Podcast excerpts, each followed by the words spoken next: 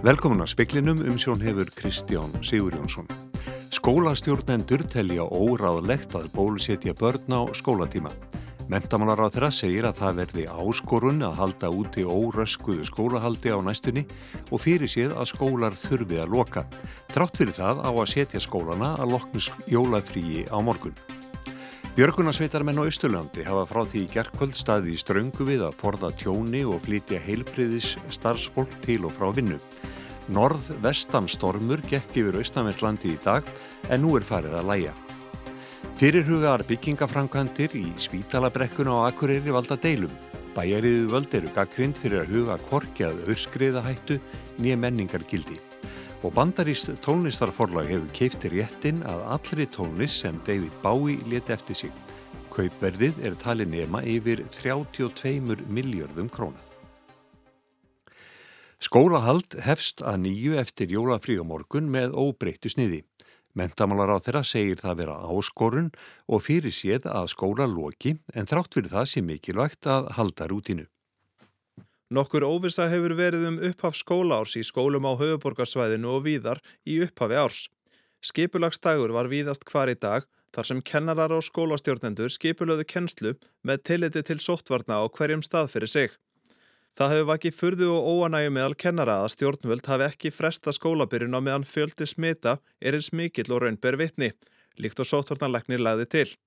Ásmundur Einar Daðarsson, menta og barnamálar á þeirra, segir það skipta máli að halda börnum í fastri rútínu.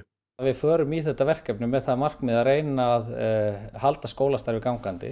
Af hverju? Jú, vegna þess að eh, mentun og það starf sem unnir í skólanum er gríðarlega mikilvæg fyrir börn þessa lands ekki bara vegna mentunar vegna, líka vegna þeirra félagslegu tengingar og þeirra félagslegu þáttar sem að mentunin uh, gegnir. Hann segir saminuðu þjóðnar mælast til þess að þjóðir haldi skólum opnum í lengstu lög. Settur hefur verið á fót samráðsvettfangur ríkis, sveitafélaga, fræðstustjóra, skólamistara og kennara til að leita leiða til að halda skólastarinu órað skuðu. Hópurinn fundar daglega með aðkomu almannavarna til að halda skólunum opnum. Verður það áskorun? Já, það verður áskorun. Mun einhverju skólar loka? Já, það munur öruglega einhverju skólar loka en, fyrir, en það skiptir máli hver skóli sem við getum haldið opnum og hvert badd sem við getum tryggt að sé í eðleri rútín og geti tekið þátt í sínum daglega lífi. Sagði ásmundur Einar Daðarsson í viðtaliði Kristínu Siguradóttur. Bjarni Rúnarsson tók saman. Nána verið fjallaðu um málið í síðar í speklinum. Nú þegar vika er þangað til að ból Nú þegar vika er þangað til að hefja á bólusetningar barna á aldrinum 5-11 ára við COVID-19 er ekki komið í ljós hvernig þær verða framkvæmdar. Formaður skólastjórafélags Íslands segir að ekki hefði verið rætt markvist við skólastjórnendur um hvernig ætti að standa að þeim og umbósmaður barna kallar eftir því að hugmyndur um að bólusetja börn á skólatíma verði endur skoðaðar. Salfur Nordal, umbóðsmaður barna, hefur lagt til við yfirvöld að skoða betur að bólusetningar barna verði gerðar þannig að foreldrar geti bókað bólusetningar fyrir börn sín í gegnum hilsugjæsluna. Þannig er þið mögulega meiri sáttum bólusetningarnar því skiptar skoðanir eru meðal fólksum bólusetningar barna. Henni hugnast ekki hugmyndin um bólusetningu á skólatíma. Þetta séu viðkvæmar hilsufars upplýsingar og virðaþurfi personuvernd barnana. Þorstein Sæberg, formaður skólastjórafélags Íslands, tekur í sama streng. Viðhorf starfsmanna grunnskóluna sé alveg skýrt að það verði ekki bólusett á skólatíma. Þar kemur margt til bæði hafa menn rætt eins og, eins og öllum er ljótt um það og það verði ekki dætt bólusett, börn endilega bólusett. Það eru skýrt skoðanir þannig að fórundra og, og þá viljum við nú ekki að það sé endilega persónugreinanlegt í skólanu hverjir er að fara í bólusetningu og hverjir ekki. Mm -hmm. Og þarfir utan eru við að reyna að takmarka sem mest aðkomi fullvarðina af skólanum. Sagði Þorstin í síðdegis útvarpinu á Rástfö í dag. Þórólfur Guðnason sótvarnalæknir sagði við tali við fréttastofu fyrir í dag að honum hefði þótt ákjósanlegt að býða með að opna skóla eftir jólafrí þar til bólusetning aldurshópana erði hafinn. Róbert Jóhansson saði frá. Norð-vestan stormur gekk yfir austanvert landið í dag en nú er farið að læja. Það er þó enn biljótt undir vatnajökli. Björgunarsveita menn hafa frá því í gerðkvöld staði í ströngu við að forða tjóni og flytja heilbriði starfsfólk til og frá vinnu. Nýjárið hilsar með hverjum kvellinum á fætur öðrum. Það var leiðinda viðurann á öllu landin á nýjástag og mjög kvast á austanverðu landinu í allan dag. Seðfyrðingar voru kvattir til að halda sig heima en í fyrðinum náði vindur í mestu kvíðunum 60 metrum á sekundu. Björgunarsveitir hafa haft í nógu að snúa síðan í gerðkvöld en rættar við Helga Haraldsson í Björgunarsveitinni Ísólfi í sítiðis útarpinu á Rástvö. Við byrjuðum nú bara í gæra og aðstofa starfsfólk hérna á helsugjastlunni að komast til og frá vinnu. Svo lendum við hérna út í nótt í, í fók á, á vinnupalli við hús sem að hefur að gera upp hérna. Og svo hérna var bátur á losna hérna í höfninni hjá okkur og við náðum að koma böndum á það. Það hefur nú verið slagt hjá okkur síðan. Fjallvegir hafa flesti verið lokaður í allan dag. Vegurinn yfir Fagradal fyrir austan var opnaður um miðan dag en áfram lokað yfir fjardarheiði. Ringvegurinn verður ófær þar til í fyrramálið en ekki stendur til að opna yfir Mývas og Möðrudals öræfi í kvöld. Ófært varð á borgarfyrið Eistra í dag eftir að sjór og grjót flættu yfir götunni gegnum þorpið. Björn Aðalsteinsson borgfyrðingur er eitt þeirra sem átt í vandraðum með að komast leiða sinna í dag. Það hefur náttúrulega verið uh, mikil vindur, óhæmju brim og samfara stórstreymi. Það var stórstreymt í morgun og þannig að þá gengur oft upp, grjót upp á þorskötuna eins og við kallum hana. En það er, það er hálf brjóla viður? Já, það er leiðinda, leiðinda viður, annars er ekkert eins og oft verður hérna sko. Sagði Björn Aðalsteinsson, Óðinn Svan Óðinsson talaði við hann, Bjarni Pétur Jónsson tók pistilinn saman. Mikil óanægja ríkir meðal íbúa í innbænum á Akureyri vegna fyrirhugaðra byggingafrangvanda í svo kalladri spítalabrekku. Bæjariðu völd eru meðal annars gaggrínt fyrir að huga kvorkjað menningar gildi bæjarhlutans nýja örskriðahættu. Skipulagsráð Akureyrar bæjar samþykti byrjun november að vinnað breyting á skipulagi svæðis fyrir ofan spítalaveg þannig að hægt verða auka byggingamagn í brekkunni. Ákvörðunin hefur mætt nokkur í gaggrinni í bænum. Hildur Fredriksdóttir íbúið við spítalaveg segir margt gaggrinnisvert við þessar breytingar en einni hvernig staði var að útlutun lóða til verktakans SS Byggis sem hún telur ganga þvert á útlutunareglur Akureyrbæjar. Í öðru lagi þá snýst þetta um að, að vernda hildar yfirbræð hverfisins og þannig erum við að tala um eina eldstu íbúagötu bæjarins og við þessa götu standa hús sem að flest eru byggðu fyrir 1910 þannig að þarna er bara mjög mikilvægt að standa vörðum um hildar yfirbræð götunar. En er svona ykkar hugur íbúana að það megi alls ekki neitt byggja þarna? Það meðist mikilvægt að koma því að framfæri. Við erum alls ekki að setja okkur upp á móti því að veri byggt þarna. Hildur segir fyrir hugað byggingamagn umhugsunar verðt. Gert er ráð fyrir 69 íbúðum í 5-6 hæða húsum. Það er mjög mikilvægt áður en menn halda lengra að fara í ítala jarðveðsansóknir hann en það er að tala um lóðir í miklum halla og við erum þannig líka með svæði sem er mjög þekkt fyrir öskriður. SS Byggir hefur verið falið að kanna skriðuhættu og finnst hildi varhúavert að verktakanum sem falin umsjón með svo umfangsmiklum rannsóknum en ekki bæjar yfirveldum sjálfum. Hún segir aðtóasemdum íbúa svara með þegjandi þögninni. Við höfum ítrekkað komið á framfæri allskynns aðtóasemdum eftir öllum þeim hugsanlegu formulegiðan sem til eru held í innan bæjarapparisins. Er enn svolítið ráðalus. Saði Hildur Fridriksdóttir, Anna Þorbjörg Jónasdóttir talaði við hana. Ground control to Major Tom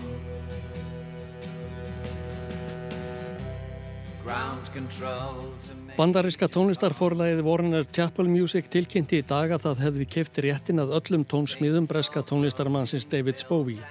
Kaupverðið er ekki gefið upp en tímaritið var ægiti á allar að það sé alltaf 250 miljónir dollara, ríflega 32 miljardar króna. Í pakkanum eru nokkur hundruð lög sem David Bowie samti og sendi frá sér eh, á rúmlega hálrar aldar ferli. Þeirra á meðal er lagið Space Oddity sem við hyrðum brotúr hér í upphafi og meðal annara stórsmellam á nefna Life on Mars, Changes, Heroes, The Gene Genie og Rebel Rebel. Í yfirlýsingu fagnar Warnell Chapel því að Dánarbú Bóvis hafi valið fyrirtæki til að gæta arfleðar listamannsins. Hann hafi verið í hópi þeirra áhrifamestu og byltingar kendustu á 20. öldinni. Lauginans sé ekki einingis óvenjuleg heldur hafið þau mörg hver markað þáttaskil og breytt stefnu nútíma tónlistar til frambúðar. Með kaupunum hefur Warner Chappell réttin að höfundarverki David Bowies ástand því að eiga útgáfi réttin að hljóðrituðum lögum hans. Kaup af þessu tægi hafa færst í aukana á undanförnum árum. Bruce Springsteen seldi Sony til dæmis réttin að sinni tónlist fyrir nokkru fyrir 500 miljónir dollara eða 65 miljardar króna. Bob Dylan hefur einnig selt sitt sapn fyrir 100 miljóna og meðal annara má nefna Paul Simon, Tina Turner og Neil Young. David Bowie lest árið 2019 tveimur dögum eftir 69 ára afmælistægin sinn. Hann hefði orðið 75 ára og lögardægin kemur.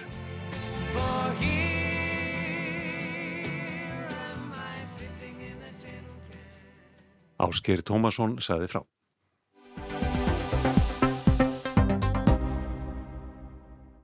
Starfstagur var í grunnskólum víðast hvar í dag. Skólastjórnendur reyna að ráða framorði hvernig skólastarfi verður hátta þegar það hefst á morgun. Fyrir sjáanlega verða erfiðar heimtur á starfsfólki vegna faraldursins. Sumstaðar er búist við alltaf 15 starfsfólks forfallist vegna smiðs eða sótt hver. Eins er ekki allir foreldrar í rónni með að senda börn sín í skólan. Elin Rós Bendiktsdóttir, skólastjóri Ölduselskóla í Reykjavík, segir að það sé lagt upp með eins hefbundi skóla skólastarf og hægt sé. Að sjálfsögðu í ljósi þessara reglugjörða sem er í gildi núna að þá verðum við að taka einhver skref sem eru komið til mótsið það sem óhefðbindi skólastarf einhverju leiti og það er til dæmis eins og með matsalinn okkar. Gefur auðvitað að það eru bara 50 börn sem eiga að vera inn í hverju rými í hvert skipti. Gengur ekki upp að fá allan skólan í matsalinn það er ekki hægt að rúla svo mörg skipti. Miðstíð og úlingastíð að það borðar mat í heimastofun en yngstastíð fer í, í matsalinu að borða þar og við þurfum að skipta þeim náttúrulega upp. Þannig að það verður svona aðeins röskun á fríminutna tíma, fríminutna og matatíma hjá yngstastíðinu. En að öðru leiti þá ætlum við að reyna að eftir bestu getu, við náttúrulega þurfum að taka svolítið stöðuna á hverjum degi eins og staðan er í dag hjá okkur að þá eru ekki margir frá vegna einangrunar að sótt kvér en auðvitað vitum við það að þetta getur breyst bara á öskum skamlu stundu og við þekkjum það og svo þurfum við þetta líka að taka stöðuna bara á morgun svona hvernig heimtur eru af nefndum. Arnar Ævarsson, framkvæmdastjóri heimilis og skóla, segir að margir fóruldrar séu áhyggjufullir vegna stöðunar, vegna fyrir sjánlegra tröflan á skólahaldi og sömur hefðu kosið að skólahaldi væri frestað. Tölu verður óviss á fóruldrar svona braukandi og áhyggjufullir yfir þessu. Bara hvernig þetta fer fram, hvort þeir senda börnin í skólan og, og allt það. Þannig að jú, það er tölu verður öggur og áhyggjur í fóruldrum, það er ekki spurning. Heldur það að sé eitthvað um það að fóreldrar vilji halda bönnum heima? Já, svona upp og ofan sko. Það er svona skiptist nokkuð til helmingamöndi að segja. Sumir vilja það átælja það, það er náttúrulega að vilja bæði, sumir eru bara ekki stöðu til að senda eh, börnin eða hafa þau heima, get ekki fengið frí og vinnu og annað. En svo nú tóðu öryggi barnana þá, þá er nú margir á því að það hefði ótt að fresta skólahaldi eins og var lagt til á sótarnarleikni og maður undrast að aðeins að það hefði ekki verið farið eftir því. Elin Rós segist lítið af hert frá fóreldurum sem vilja halda börnum sínum heima. Hún býst allt eins við að það breytist á morgun en fóreldra líkt og skólafólk býði átækta. Kanski þessa viku meðan að hérna, við erum svona aðeins að sjá þetta, hvert þetta stefnir en við höfum ekki fengið margar fréttir um slíkt en það kannski kemur betur í ljós á morgun. Arnar er ekki endilega bjart síðan á að staðan verði allt önnur eftir rúma vikun. Sótvartanlækni vildi fresta skólahaldinu þanga til. Það er svona horfum á þessu staðan er núna í þjóðfélaginu þá má ætla að hún verði talsveit verði held ég. Það er með bara líkum að því. Arnar á ekki vona öðru en bæði börn á starfsmenn smittist og því sé hætt við að smitt breyðist hratt út þegar skólinn byrjar. Hann telur heilt yfir hefðu margir foreldrar viljað fresta skólahaldi en hann hefur líka áhyggjur af langvarandi áhrifum faraldursins á nefndur hvort sem er félagslega eða á námið. En hefði Elin Rós kosið að skólahaldi væri frestað? Þetta er freka flókin spurninga því að þetta er auðvitað tvíþætt. Þetta vitum við að dinja á okkur þau skilabóða við eigum að reyna að lifa með þessu og reyna að hafa lífið eins eðlilegt og við getum með aðstæður en á hinvegina þá er náttúrulega líka skilumadur sóttvarnar yfirvöld sem eru í rauninni að reyna að ná svona svolítið utanum óeðlegt ástand. Fyrir mitt leiti að þá náttúrulega er maður alltaf að hugsa um heilsu bæði starfsfólks og nefnda og við getum þá allavega aðeins hugga okkur við það að þetta nýja bylgja eða þetta nýja afbreyfi verist að vera mjög smitandi en kannski minni afgerandi einkenni eða mikil veikindi og maður er náttúrulega auðvitað þakkláttu fyrir það. En að sjálfsögðu þá náttúrulega eigum eftir að sjá bara þegar skólatin fara af stað og þá gerir maður náttúrulega ráð fyrir tí að, að það verði ykkur ákveðin vöxtur og það verði mikil vinna og mikil endurskoðun og fólki í sótkví og, og einagrunn og það sem að þegar við komum öll saman að við erum búin að vera svolítið í, í bublum en samt hafa verið þúsund smitt á, á dag, náttúrulega upp okkur einasta dag og ég hef fleri. Þannig að við erum svona bara eins að sjá, sjá hvernig það er. Þannig að þetta er svona, svo sem ekki, ekki alveg afgerandi svarið spurningu þinni en við svona horfum á þetta svolítið tvíða. Er ykkur í, í starfsfólkinu hjá þér? Ég held að allir þeir sem vinna í þessu kerfi, skólakerfi, þar sem við erum, erum að vinna með mikinn fjölda barna sem er óbólusett mestu leiti að þá er við náttúrulega útsett fyrir smitið að meiri líkur á við séum það. Og við erum bara mannleg og erum viljum sérst, reyna að venda okkur og fjölskyld okkar og, og við, við vil, það vill lengið smitast. Og þá er auðvitað, er þetta þannig að í ljósi aðstæðna og þessar fjöldarsmita að þá er, við mjög meðvitið um verkefni okkar. En auðvitað er það náttúrulega bara þannig að við sem vinnum þarna auðvitað erum við bara að vinna okkar starf en, en þetta er svona að því að við erum náttúrulega erum beðin um að reyna að halda og við hafa sóktvarnir og við erum beðin um að ef við mögulega getum að reyna að halda einhvers, einhvers konar metisreglur á milli nefnend og svo framvegs en eh, skólastarf í dag er svo fjölbreytt og viðamikið og skapandi að í, kannski í eldgamla daga, þetta var þannig að kennari stóði upp á töflu og, og nefndu sátu prúð og, og stilt við sitt borði eða tötu saman á borði eða eitthvað slíkt, þetta er, þetta er ekki svona einkennandi fyrir skólastarf í dag. Þannig að mörgu leiti að þá eru við sem vinnum í þessu kerfi erum að breyta út frá því sem við hefum viljað. Við viljum náttúrulega að séu stöðvavinna og skapandi vinna og það sem er mikið flæði og samskipti og, og þetta er náttúrulega fyrir alltaf að hafa áhrif á svo marga þætti hjá okkur sko. Sagði Elín Rós Benindistóttir skólastjóri í Ölduselsskóla í Reykjavík. Anna Kristín Jónsdóttir rætti við hana og Arnar Ævarsson, frangvandastjóra heimilis og skóla.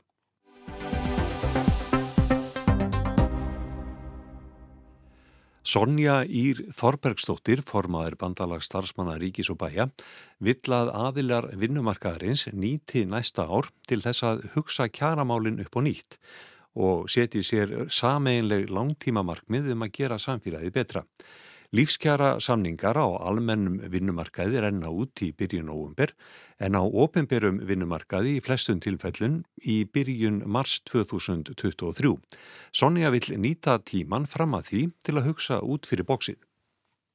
Það eru þetta alltaf markmið að kjærasamningu takki við að kjærasamningi en okkur hefur ekki alltaf búið gæfa til þess og það sem við heyrum núna er að það er mikill vilji hjá aðlum vinnumarkaðarins og stjórnvöldum að raunverulega hefja samtali fyrr. Að er hefðbundi að stjórnvöld koma til að liðka fyrir um gerð kjærasamninga og ég skinnja samtalið og, og við byrjum þær væntingar að, að það verði byrjað raunverulega fyrr út frá þessu sjónarhortni. Samtal aðalega vinnumarkaðins við stjórnvöld. Og það sem að byrju þetta hæst þar er sífellu krafa, það er að fólk ná endum saman, það er að búa við örugt húsnaði og síðan held ég það sé alveg ljóst svona að því að fólk hefur lagt auðvitað hilsuna í forgrunn núna gegnum faraldurinn og, og það er ekki bara vegna hættuna sem að faraldurinn veldur, heldur líka vegna aukens álags í störfum og kvíða og svo framvegis, þannig að það er eitthvað sem við verðum að horfa til sem er liðis. En nú hefur oft verið talað um það áður að byrja að snemma og samningur takkið það samningi, en það gengur ekki upp. Hvað er það núna sem að eigur bjarsinni á það?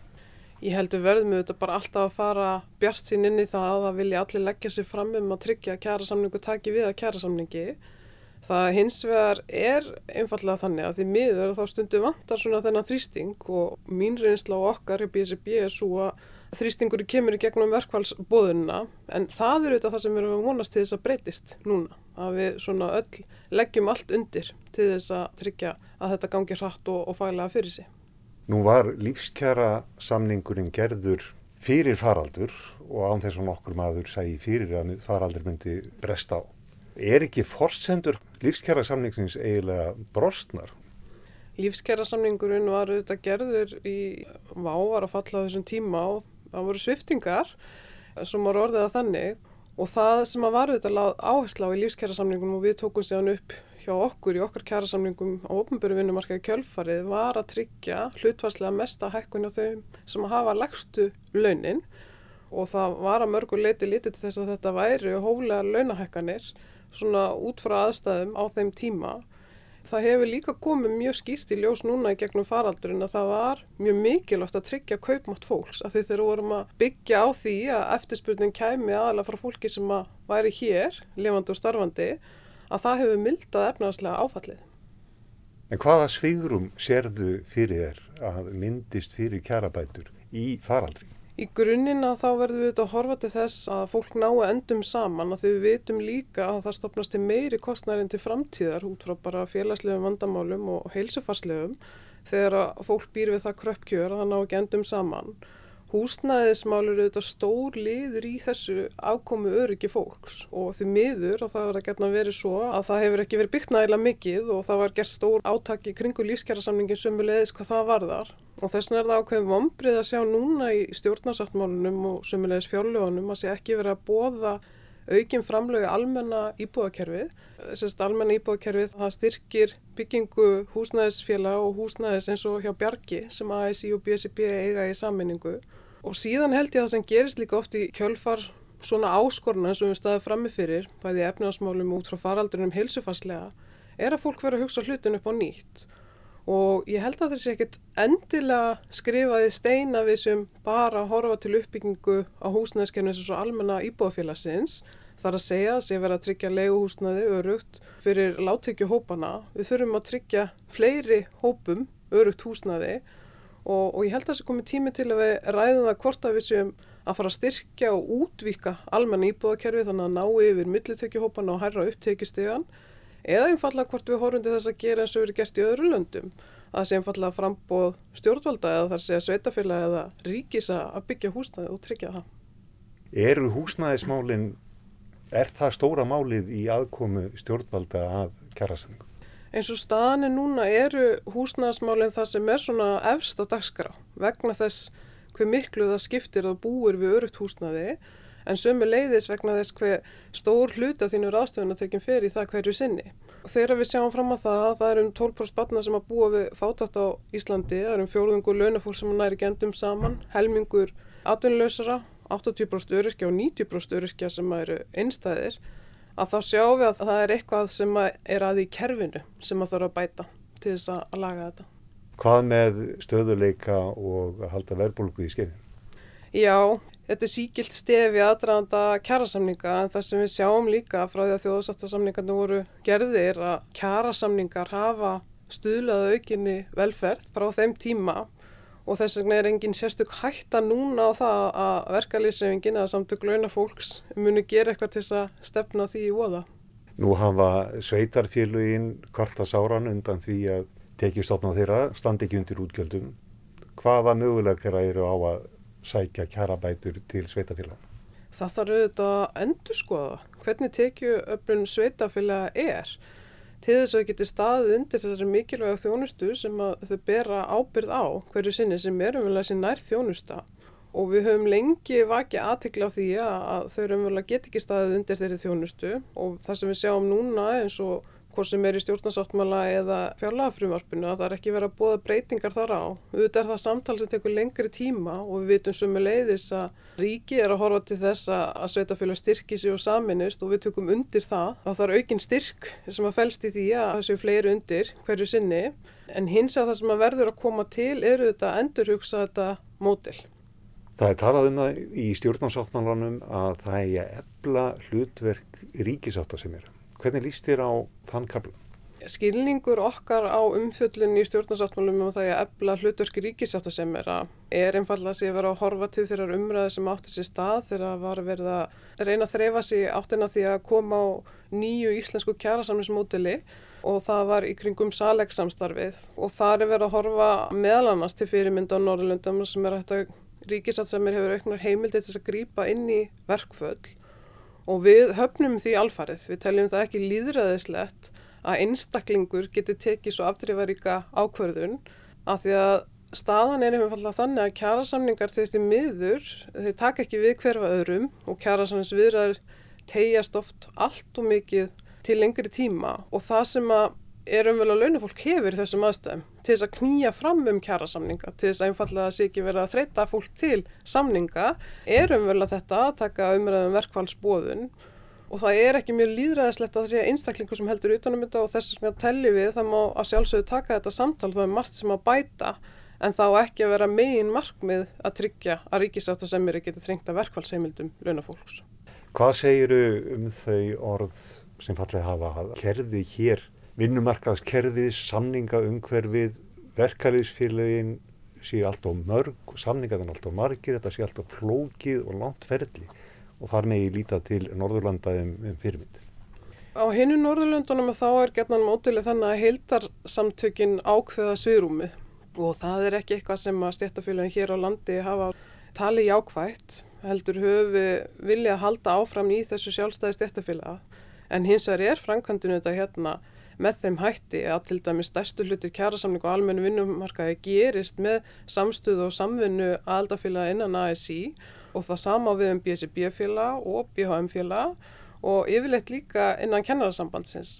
Þannig að þetta er kannski ekki sjálfstætt vandamál í sjálfu sér þó að við höfum kannski skilning á því að þeir séu margir en það er kannski sama manna, stjættafélagin mega gerðnan saminast og, og styrkja sig en þá ekki að koma svona valdbóð og ofan teljum við hvað þetta varðar. Ef þú lítir fram á árið sem er nú nýhafið, ertu vongóð bjarsín á að, að það verði fríður á vinnumarkaði? Það er auðvitað alltaf spurning hvernig aðstæðan að verða á vinnumarkaði og það sem okkur hefur kannski fundist miður hjá BSB er að það verðist svona að breyka bylið mill aðala vinnumarkaðinins og hefur verið ágerast núna á undarförnum árum. Það sem við vitum samt líka í kjölfar svona áskoruna eins og efnarsfaldun felur í sér að þá kvikna gætnan hugmyndur um að gera hlutina með nýjum hætti. Og kannski í staðin fyrir að sitta först í hjólfurunum og þá þurfum við að átt okkur á því aðalega vinnumarkans í sameiningu hver er okkar sameilu markmiða því þau eru í grunninn mun fleiri heldur en kannski ofta vil vera að láta og ég held að við getum svo sem saminastlega með sum húsnæðismálunum miklu leiti það allavega tókst vel til í lífskjærasamningnum það hefur kannski ekki verið svona jafnmiklar undirtektir hvorki frá stjórnvöldum eða atvinnureikundum til þess að tryggja betri andlega og, og líkamlega líðan á vinnumarkaði. En kjærasamningar hafa lagt áherslu á undarförnum að tryggja hlutvarslega mesta launækkan til þeirra sem hafa minnstamilli handana og það eru þetta líka stórt skrefi að velsælt. En svona heilt yfir að þá það sem við þekkjum að þeirra hefur verið kreppa eða svona virkilegar áskorinu í lífi fólks að þá komin tími til að hugsa málun upp og nýtt og, og ekki endilega festa sig í svona þeim gerðingum eða svona fyrirframgefnu hugmyndum sem við höfum hverju sinni um málinn og við erum að vonast til þess að þessu ári að þá leiði fólk sér svolítið að dreyma og hugsa um hvernig samfélagi getur þau betra, hvaða breytingar það vilja sjá og við séum svolítið að hugsa í, í stórum hugmyndum fyrir ekkar en litlum skrefum og við setjum okkur langtíma markmið. Ekki alltaf bara að horfa út frá því hvað er hægt hverju sinni, heldur að það sé verið að setja sér markmið og það sé verið að fylgja því eftir. Þetta var Sonja Ír Þorbergstóttir formaður BSRB. Það var helst í speklinum hjá okkur í kvöld í fréttalutanum að skólastjórnendur telja óráðlegt að bólusetja börn á skólatíma. Mentamlar á þeirra segir að það verði áskorun að halda úti óröskuðu skólahaldi á næstunni og fyrir séð að skólar þurfi að loka. Trátt fyrir það á að setja skólana að loknu jólafríi á morgun. Björgunarsveita menna á Östurlandi hafa frá því gerðkvöld staðið í ströngu við að forða tjóni og flytja heilbriði starfsfólk til og frá vinnu. Norðvestan stormur gekk yfir Östanvertlandi í dag en nú er farið að læja. Það er þó enn biljóttundir vatnajökli. Fyrirhugar byggingaframkvandir í spítalabrekkuna og akureyri valda deilum, bæriðu völdur gaggrind fyrir að huga korki að örskriðu hættu nýja menningar gildi. Og bandarist tónlistarforlag hefur keift réttina allir tónlist sem David Bowie létt eftir sig. Kaupverðið er tali nema yfir 32 miljörðum króna. Það er ekki fleiri í spekli kvöldsins, tæknimaður var Mark Eldred, veriði sæl.